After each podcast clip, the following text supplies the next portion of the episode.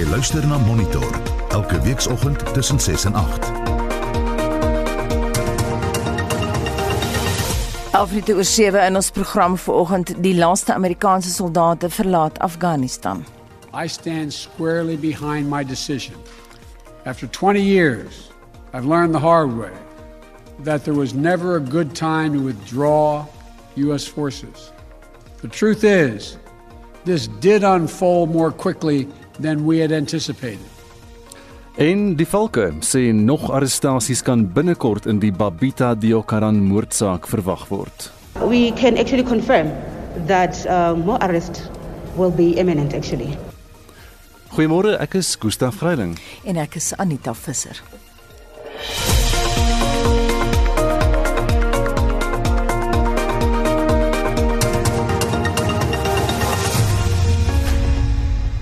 Jy is by Monitor op RSG om 12 minute oor 7 nou die valke sê soos ons nou gesê het nog arrestasies kan binnekort in hierdie Babita Diokaran moordsaak verwag word. Ses mense het in die Johannesburgse Landdroshof verskyn waar hulle saak tot 13 September uitgestel is.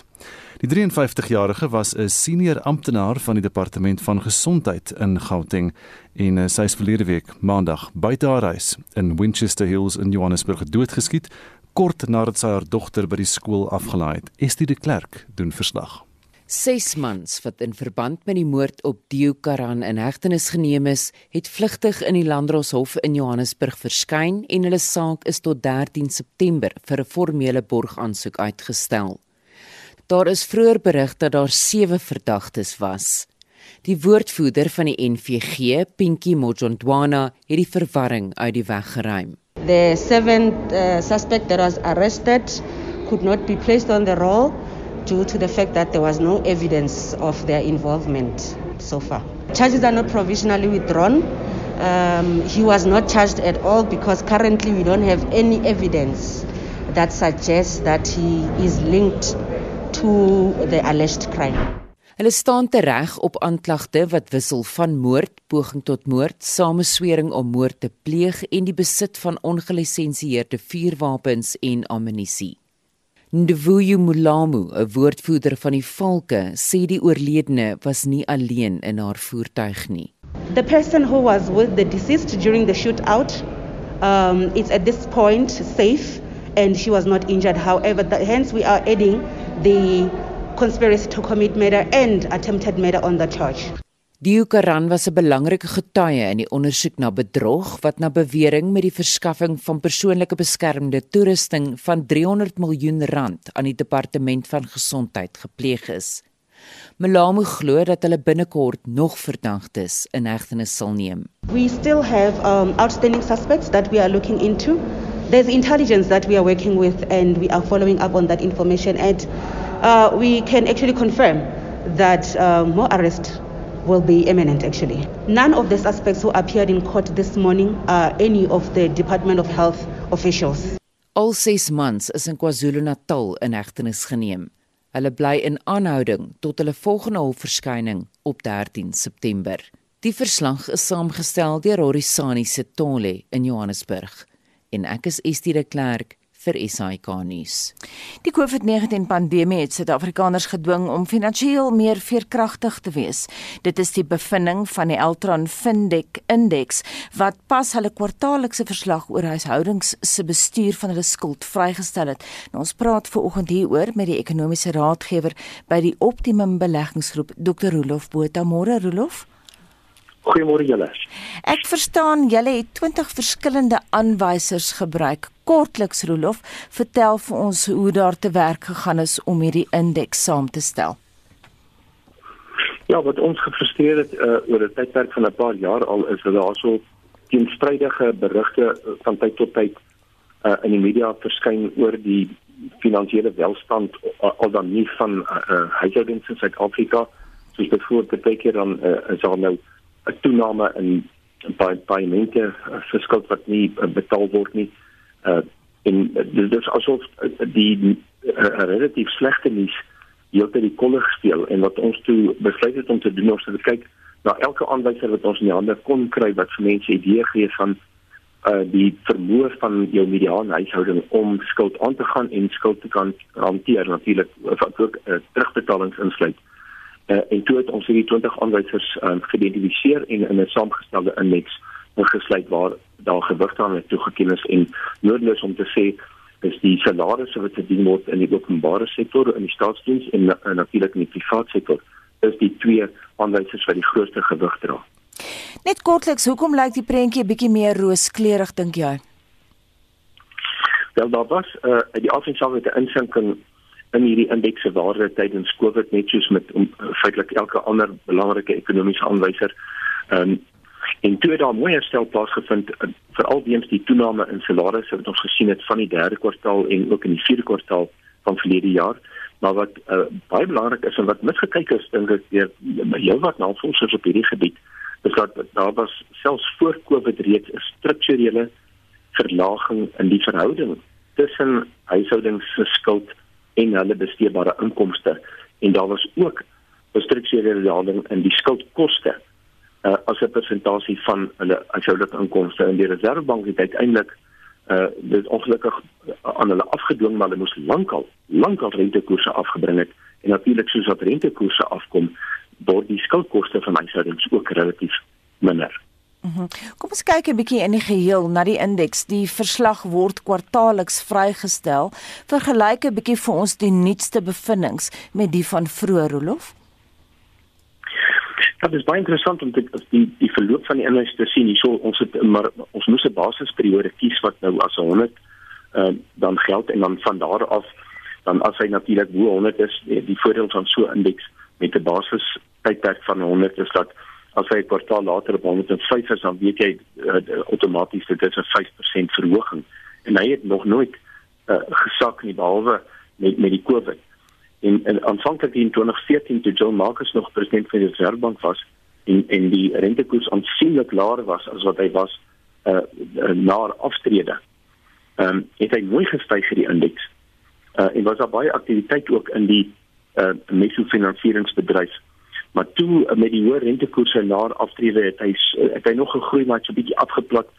En toe Suid-Afrikaners begin agtergekom het maar hierso die regering is besig in die uh, openbare koöperasies om ons rot en kalf te steel en in die die, die aanpak van staatskaping begin sigbaar raak het het hy heeltemal begin afplat amper horisontaal begin gaan en toe het hy natuurlik geduik met Covid en nou het hy 'n nuwe hoogtepunt bereik maar hy's nie veel hoër as wat hy was uh, hierso in 2017 2018 nie. Daar's nog baie vordering wat gemaak moet word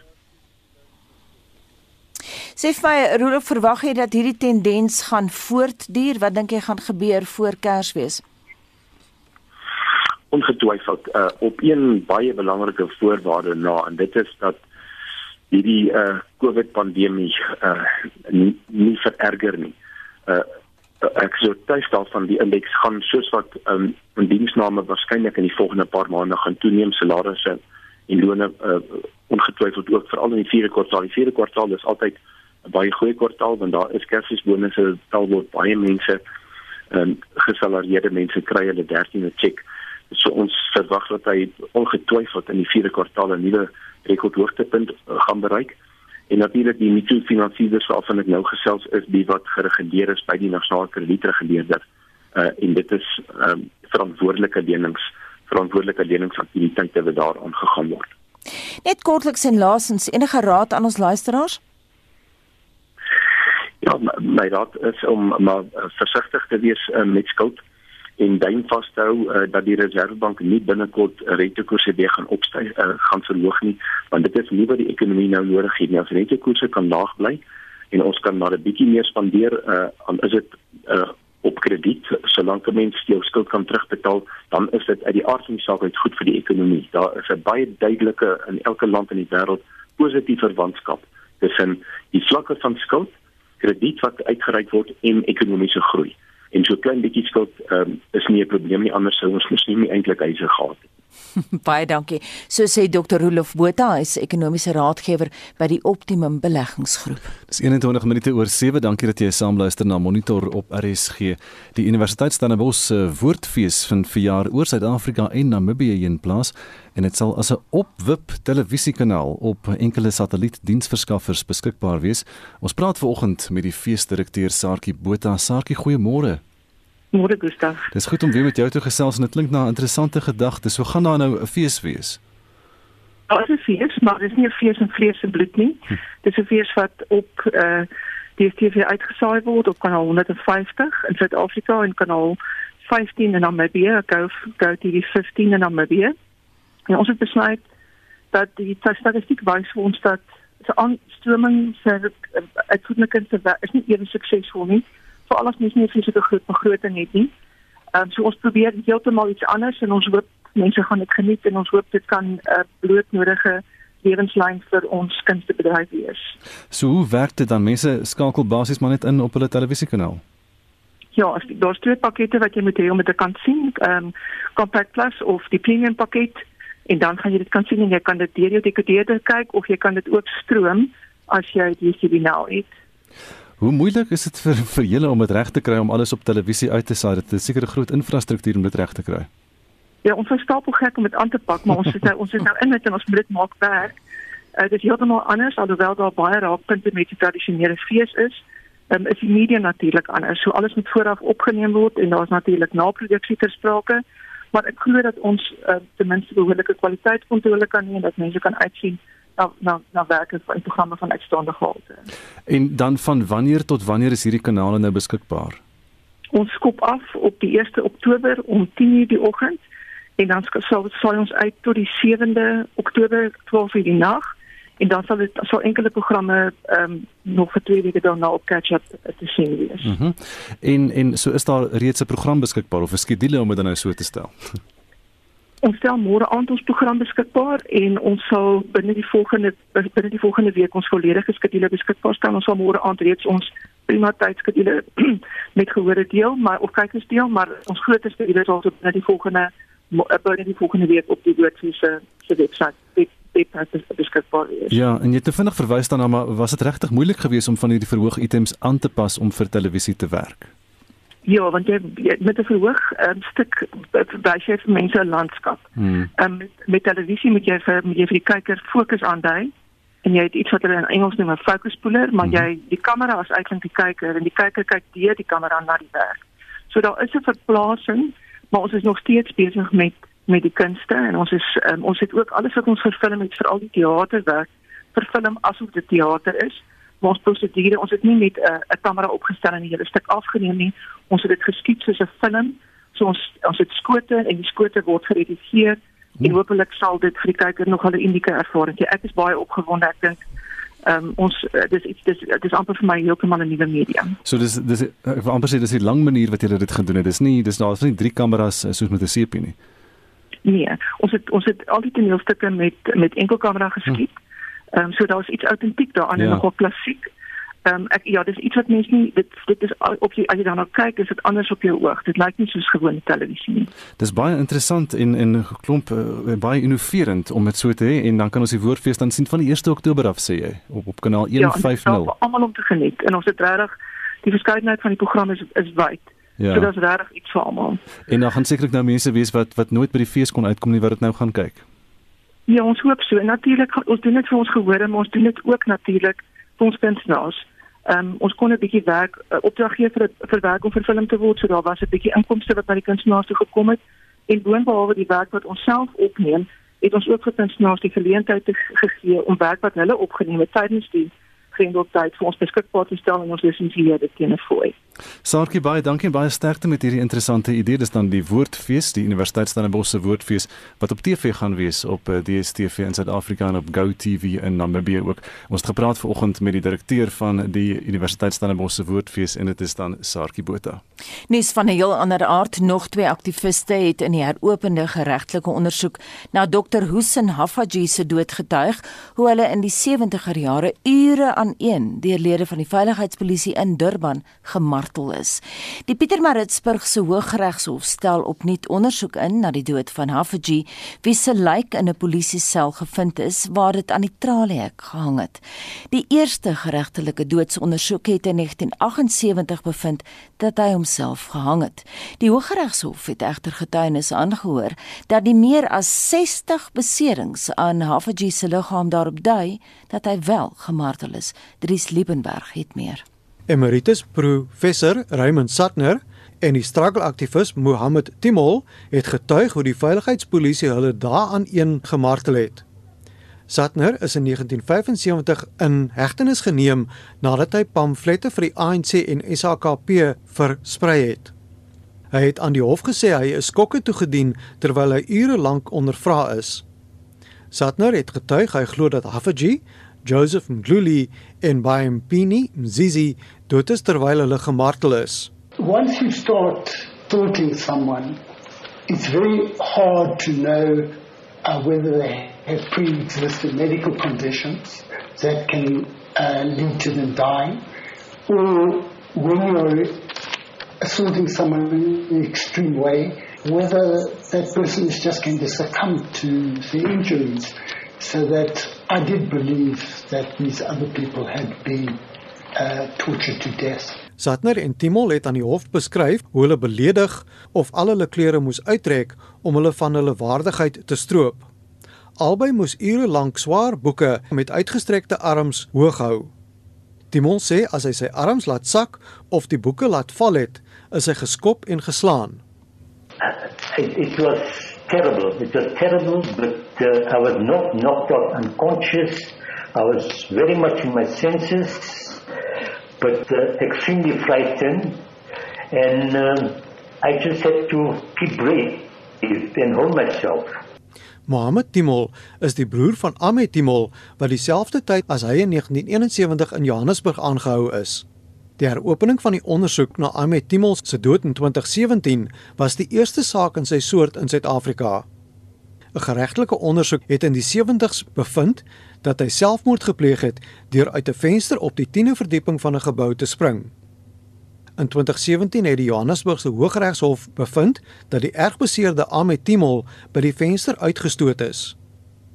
Sy broer het getuig dat die veiligheidspolisie na Ahmed se dood sy ondervraging gestaak het. And the only reason that I can give is that because of the death of Ahmed Timon and the public outcry, they decided not to interrogate me, as well as because Mohammed Salim Esso, who was detained with Ahmed, was brutally tortured and was hospitalized Satner en Timol het getuig hoe lede van die veiligheidspolisie by was wanneer hulle deur 'n distriksgeneesheer ondersoek is of 'n verklaring voor 'n landdros afgelê het. Satner het aan die hof gesê hy glo baie distriksgeneesheere, landdroste en selfs regters het gekeer dat marteling aan die lig kom. I think they would often read the confession and think, well, it's the truth, and then find a way of denying that there'd been torture. Uh, so both the lower court uh, magistrates, but also many, many judges uh, colluded, in my view, in finding a way of denying that there had been torture. Die saak duur voort. Ek is Dries Liebenberg in Durban. Jy luister na Monitor elke weekoggend tussen 6 en 8.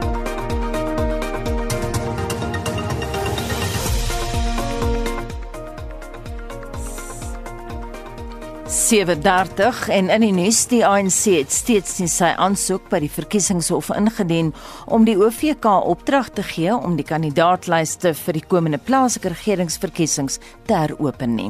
Die nuwe variant van die koronavirus wat in Mei in Suid-Afrika ontdek is, het sy eie mutasies en ook mutasies van die Delta variant en ander kommerwekkende variante.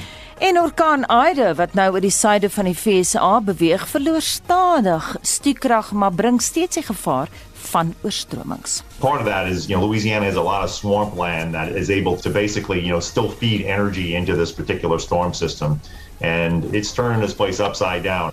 Bly ingeskakel. En dit bring ons by Estie. Bets Ferreira sê ons is geregistreer hoe gouer hoe beter. Die ANC is tans in 'n warbel en die ander partye moet hierop kapitaliseer, nou of nooit. En Jaco Loots laat weet vir ons hou die verkiesing presies waar hy is in Oktober. Almal weet al jare lank wanneer die verkiesing moet wees. Jolyn van Montetjie skryf aanlyn registrasie sal ons as siele op wiele baie help. Ons as langafstand bestuurders kan op so 'n wyse akkommodeer word. En Saret Joubert Barnard laat weet vir ons ons het al gewoond geraak aan 'n kultuur van uitstel en sloer soos dalk kan die registrasiedatum uitgestel word. En Lizanda von Berg skryf: "Die probleem is soveel mense is vuisfoos en vir hulle stemme gaan nie 'n verskil maak nie, maar dis nou ons kans om 'n verskil te maak." En Kobus Venter laat weet vir ons hou die verkiesing 27 Oktober. Baie ander lande het in die tye suksesvolle verkiesings gehou. Ons wil vandag by jou weet of ons praat eerder oor miljoene stemgeregtigdes sal waarskynlik nie in Oktober kan stem nie, sou die verkiesing op 27 Oktober voortgaan en dit is omdat die kieserslys gesluit is sonder dat die kieserregistrasie naweek wat in Julie geskeduleer was nie kon plaasvind nie. En ons wil vanoggend by jou weet, is jy geregistreer en sou jy wou hê die verkiesing moet in Oktober plaasvind? Of uitgestel word tot in Februarie. Stuur vir ons 'n SMS na 45889. Onthou dit kos R1.50 per SMS. Gaan deel jou mening op ons Facebookblad by facebook.com vorentoe skynstreep ZARSG of WhatsApp vir ons stemnota na 076 536 6961. Ons kyk nou na wêreldnuus gebeure in die groot nuus vanoggend is die FSA se onttrekking uit Afghanistan is voltooi. Vroeër as wat dit aanvanklik sou gewees het die aanvanklike sperdatum was 11 September.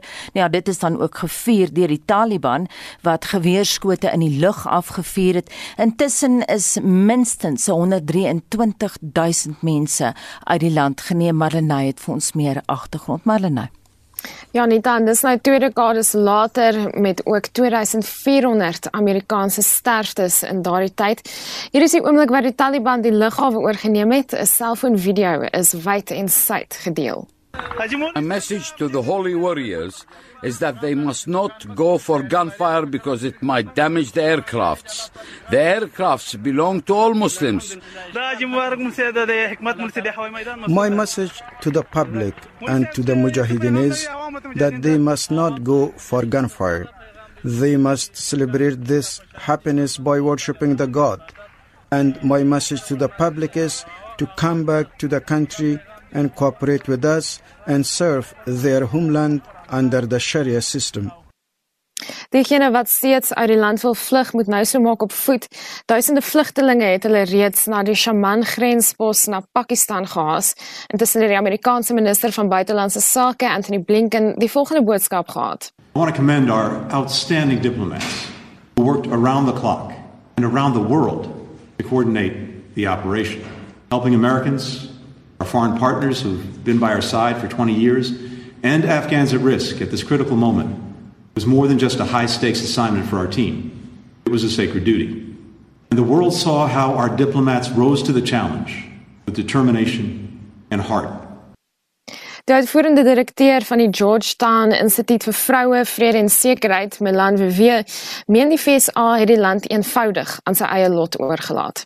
I think of those young people who never went through the Civil War 20 years ago, who have gotten an education, many of them finishing university.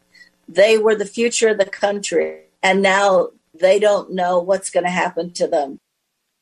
President Joe Biden gaan die media later vandag toespreek om meer duidelikheid oor sy besluit om te onttrek.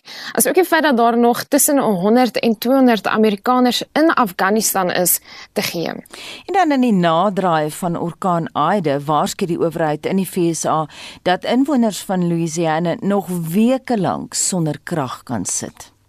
En net om luisteraars te herinner, die orkaan het Sondag getref met 'n windspoed van sowat 240 km per uur. Dis die vyfde ergste orkaan wat die land tot dusver getref het. Strate het in riviere ontaard en geboue is verwoes. Inwoners is verslaan. I got nothing. I got a backpack with a few clothes in case I had to run out just somewhere. I'm just happy I'm here and I can start doing what I need to do to start all over again. It's a lot. So wat 5300 lede van die nasionale wag is in die gebied ontplooi om bystand te verleen met soek- en reddingspogings terwyl 25000 werknemers landwyd mobiliseer om die kragtoevoer te herstel. Ida beweeg nou na Mississippi en Jeff Fox, 'n weerkundige, sê daar is tekens dat die storm se intensiteit afneem, maar dat oorstromings nou die grootste bekommernis is. The storm is going to head up north into the middle Atlantic states New England and up into Canada. In the New York City area, the call is for six to 10 inches. We could see more than 10 inches in central Pennsylvania. And so, even not a hurricane anymore, I think Ida is going to bring some major flooding hundreds of miles north of landfall. Ons hou verwikkelinge in die verband dop. En dit was Madeleine Forsie met 'n oorsig van internasionale nuusgebeure. Dis 20 minute voor 8 en ons bly by die orkaan waaroor ons nou berig het, uh, Ida wat daar in Amerika verwoesting saai en ons het berig oor hierdie wind, hierdie geweldige wind van 240 km/h wat daar waai en wat selfs die Mississippi rivier terugdruk en infrastruktuur behoorlik knou.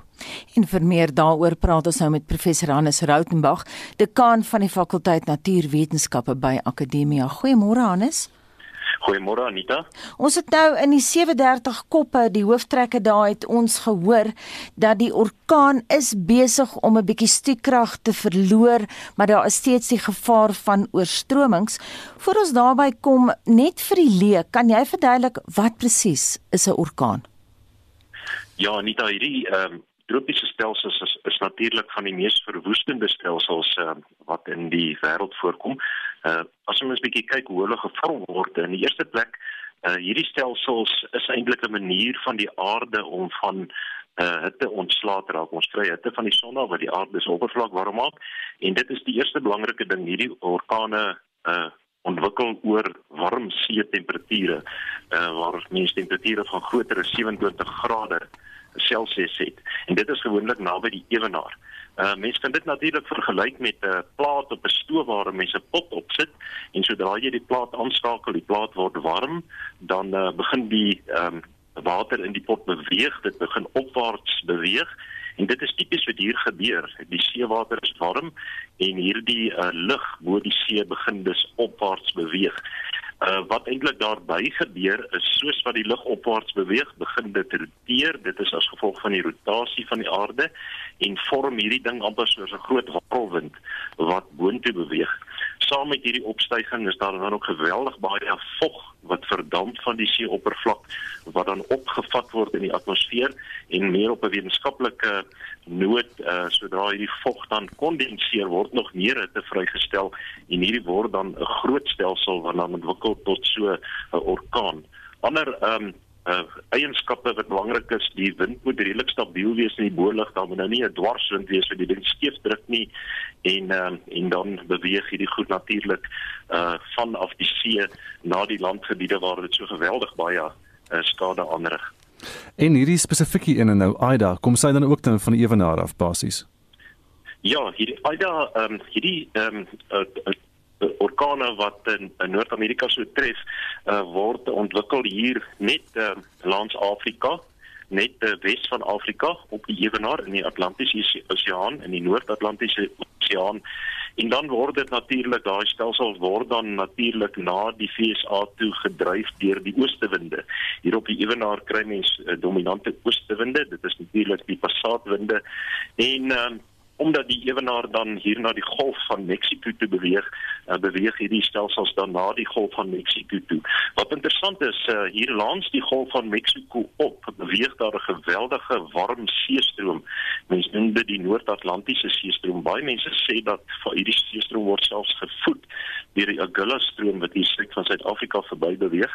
Maar hierdie warm seestroom wat dan noord beweeg, en dit is ook die rede hoekom Europa so relatief warm is, uh, voer dan ekstra energie in hierdie stelsels in voordat dit in die golf inbeweeg en dit is waarom hierdie hierdie um, hierdie uh, stelsels uh, normaalweg baie sterker is as selfs op ander dele van die wêreld.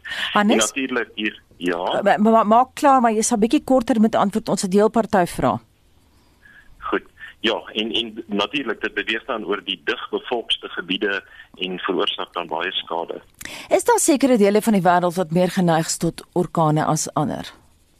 Ja, soos ek reeds genoem het, dit is hier by die Ewenaargebiede in noordsuid van die Ewenaar en dan natuurlik die Wêreldweerkundigorganisasie het die uh, wêreld verdeel in um, sewe gebiede en dit is noodwendig die Atlantiese Oseaan, Noord-Atlantiese Oseaan, die Stille Oseaan, die Indiese Oseaan waar ons nou natuurlik uh, is en baie interessant, die enigste groot oseaan waar dit nie voorkom is die Suid-Atlantiese Oseaan en dis as gevolg van hierdie geweldige groot fronte wat sorg dat die water so bietjie kouer is hier oor die Suid-Atlantiese Oseaan.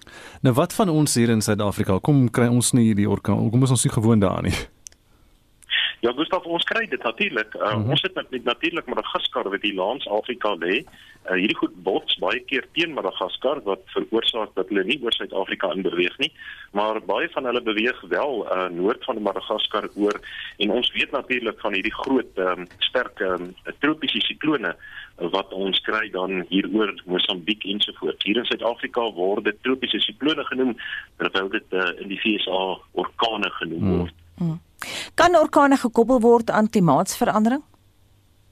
Ja, um, ons weet dat klimaatsverandering word gekoppel aan 'n verhitting van die aarde en ek soos ek voorheen gesê het, hierdie orkane is 'n manier van die aarde om ontslae te raak van die hitte wat um, onder die atmosfeer voorkom en natuurlik hulle word beïnvloed. Daar is egter bevind dat die orkane so 'n bietjie afgeneem het in die aantal orkane wat oor die afgelope dekades voorgekom het, maar die kommerwekkende ding is dat hierdie orkane uh, word sterker in hulle intensiteit en dan ander uh, dinge is ook hulle beweeg uh, soms stadiger wat veroorsaak dat daar meer risiko vir vloede oor die gebiede is waar hulle in beweeg. Dis nou interessant want dit was nou hierdie naweek toevallig ook die 16de herdenking van die orkaan Katrina van 2005. Hoe vergelyk Aida en Katrina? Ja, Gustav, dis baie interessant. Baie mense sê hierdie is eintlik 'n opvolg op uh, Katrina. Natuurlik Katrina was was 'n uh, uh, heelwat anderster as Ida wat nou in beweeg het. In die eerste plek uh, Katrina was uh, baie sterk toe sy oor die see in beweeg het. Sy was 'n kategorie 5 uh, orkaan. Hmm wat sterker is as Ida en uh, dit sy redelik verswak hier oor die uh, land soos hy in beweeg het. Uh, Ida is eintlik andersom, sy is bietjie swakker oor die see maar redelik versterk tot 'n kategorie 4 oor land. So Katrina het natuurlik groot vloede veroorsaak. Daar is uh, daai tyd um, 18 1800 mense dood. Dis hulle sê dit is een van die duurste or orkane baie skade aangerig uh so Katrina het baie vloede veroorsaak. Die skade is 'n vloede in veroorsaak terwyl Ida het hierdie geweldige sterk winde baie sterker as Katrina en die skade word aangerig deur geweldige sterk winde wat infrastruktuur eintlik uh, tot 'n mate vernietig. Net laasens en kortliks, hoekom is die orkane se name vroulik? is dit altyd vroulik? Ja, Nika, daar's 'n lang storie oor die ding. Ehm um, eintlik hier voor die 1990s is is orkane vernoem eintlik na gebeurlikhede. So daar's baie oorloë wat plaasvind het waar orkane byvoorbeeld veroorsaak het dat die aanvalle nie kon plaasvind nie.